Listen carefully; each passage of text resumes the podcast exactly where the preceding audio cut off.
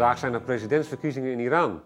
Het is het hoogtepunt van een campagne waarin vier kandidaten voor het eerst met elkaar openlijk op televisie hebben gedebatteerd. قبل از این دولت 50 هزار بنگاه بوده یعنی چه الان شده انگیزه ای 80 هزار. ایجاد میکنه که این ببینید، صاحب کارخانه ما میخوایم ایرا عادلانه نجیب زنشو در میاری عکس اینجوری میکنی دخالت هایی که در سیستم بانکی کردید Caroline Roelands, jij volgt het Midden-Oosten al meer dan 25 jaar voor de NRC. Hoe bijzonder zijn deze verkiezingen? Nou, het zijn ontzettend interessante verkiezingen natuurlijk. Je ziet de zittende president, Ahmadinejad, steun van het Iraanse establishment, die, hoewel het aanvankelijk anders uitzag, toch de hete adem in de nek voelt van eh, een aantal tegenkandidaten. Ehm, en in die zin is het, eh, is het heel erg spannend, vooral omdat niemand eigenlijk weet wie er nu gaat winnen. Wie zijn voor jou de belangrijkste kandidaten? De belangrijkste kandidaat is natuurlijk de zittende president, de conservatief Ahmadinejad. Ehm nou ja, zoals ik al zei, eh, eerst werd verwacht dat hij het makkelijk zou halen. Maar de laatste tijd is enorm in, op, eh, in opkomst eh Mousavi, Mir Hossein Mou- Mousavi.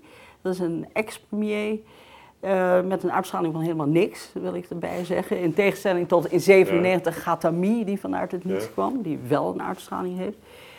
Eh, maar gewoon een nette, keurige man die, eh, omdat hij tegen eh Ahmadinejad is, steeds meer steun krijgt. Een hervormer wordt hij genoemd. Hij wordt een hervormer genoemd, maar is hij een hervormer? Hij is een man van niet zulke scherpe kantjes. Ja.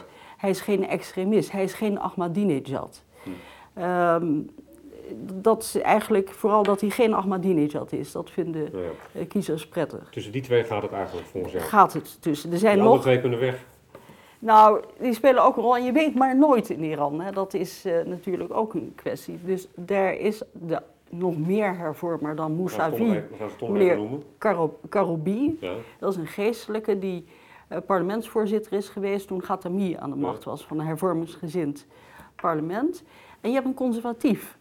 En dat is Mohsen Rezaei. Ja. Hij is een ex-commandant van de revolutionaire garde, die een zeer beruchte naam hier natuurlijk Ja. heeft, die garde.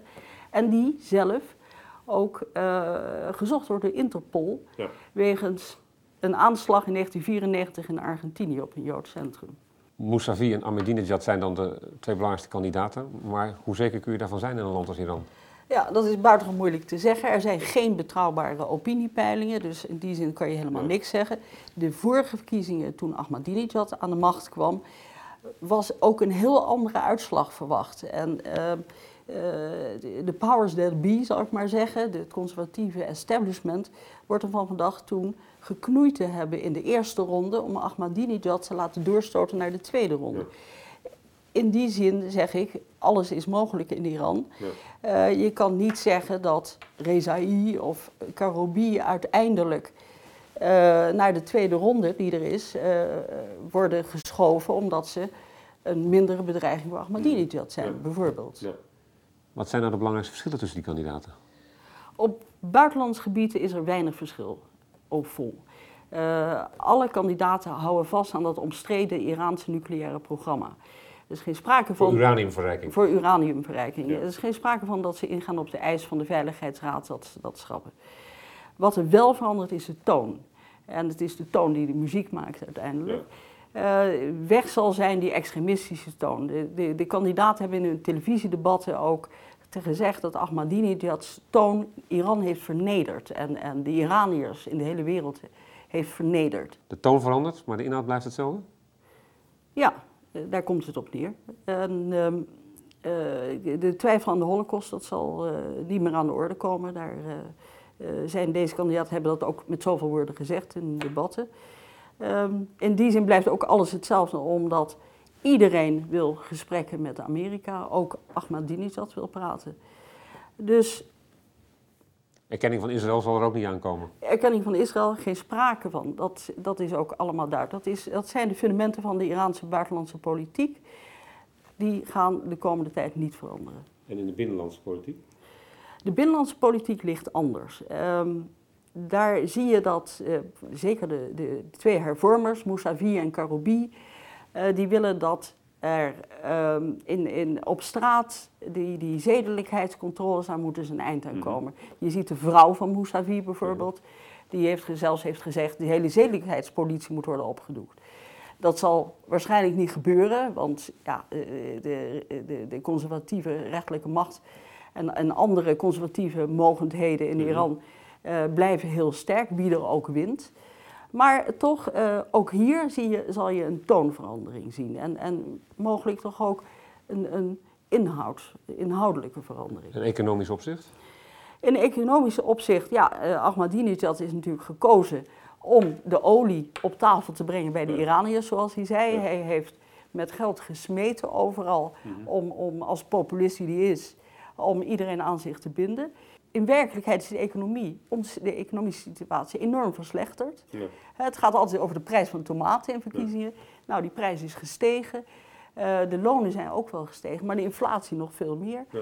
Wat dat betreft uh, hebben de Iraniërs echt genoeg van, van Ahmadinejad. Dus het is nog veel te vroeg om te zeggen dat hier nou democratie aanbreekt? Het, nee, het is absoluut geen democratie, want het hele systeem in Iran wordt niet betwijfeld door de andere kandidaten, door geen van de kandidaten. Dit is democratie binnen het systeem. Ja. Je hebt de, de opperste leider die een soort dictator is. Tegelijk heb je een soort democratie. Kijk maar, verkiezingen. Mhm. Ook al wordt er al dan niet geknoeid. Uh, maar het islamitisch systeem, daar twijfelt geen van deze kandidaten aan. Ja. Wat staat er voor ons op, als Westen op het spel in deze verkiezingen? Iran wordt toch vaak afgeschilderd als een boze macht. Het wordt nog geen vakantieland. Het is een vakantieland. Het is een vakantieland. Het is een vakantieland. Maar we kunnen nog niet zeggen alle naar Teheran. Nou ja, als toerist wel.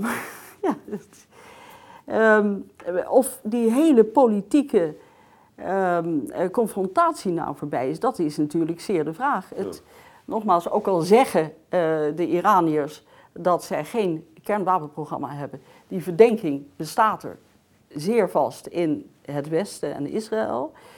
Gaat dat leiden tot een confrontatie? Dat is ontzettend moeilijk te zeggen. Ik denk dat als de toon uit Iran vriendelijker wordt, dus in het geval van verkiezing van Mousavi, uh, dat de scherpe kan, dan, dan, gaan de scherpe kantjes eruit, dan kom je ook makkelijker in gesprek. Wat, waartoe dat weer gaat leiden, dat is uh, op dit moment buitengewoon moeilijk te zeggen. Kortom, een klein beetje vernieuwing. Kortom, een klein beetje vernieuwing, ja, inderdaad.